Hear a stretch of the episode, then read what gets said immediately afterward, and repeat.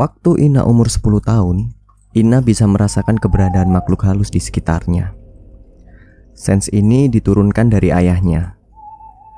Saat itu, mereka sekeluarga liburan ke salah satu pemandian air panas yang ada di Jawa Barat. Mereka memesan satu bungalau yang isinya dua kamar. Bangunan bungalau cantik nuansa klasik, ornamen kayu dan kaca yang didesain timeless. Malam pun tiba. Sekitar pukul 11 malam, mereka sekeluarga jalan menuju kolam air panas dan mulai berendam sampai pukul 2 dini hari. Ina termasuk anak yang cukup aktif dan ceria.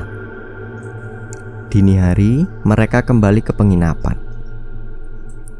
Ina dan rombongan keluarganya agak jauh jaraknya, karena ia jalannya jangling, sedikit lari sambil loncat-loncat.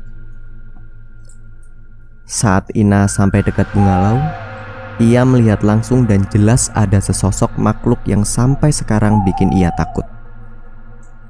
Ia melihat jelas sosok pocong. Jelas sekali dengan mukanya yang hitam. Ia kaget tapi tidak bisa teriak seperti di film-film horor.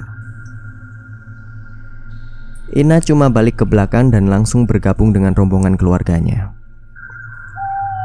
Sampai di Bungalau, ia shock tidak bisa cerita ke siapa pun. Ina mandi dan ganti baju lalu naik ke tempat tidur.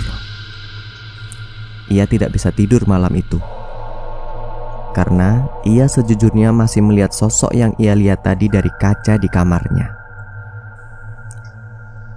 Kaca di kamar ini hanya ditutup tirai putih transparan.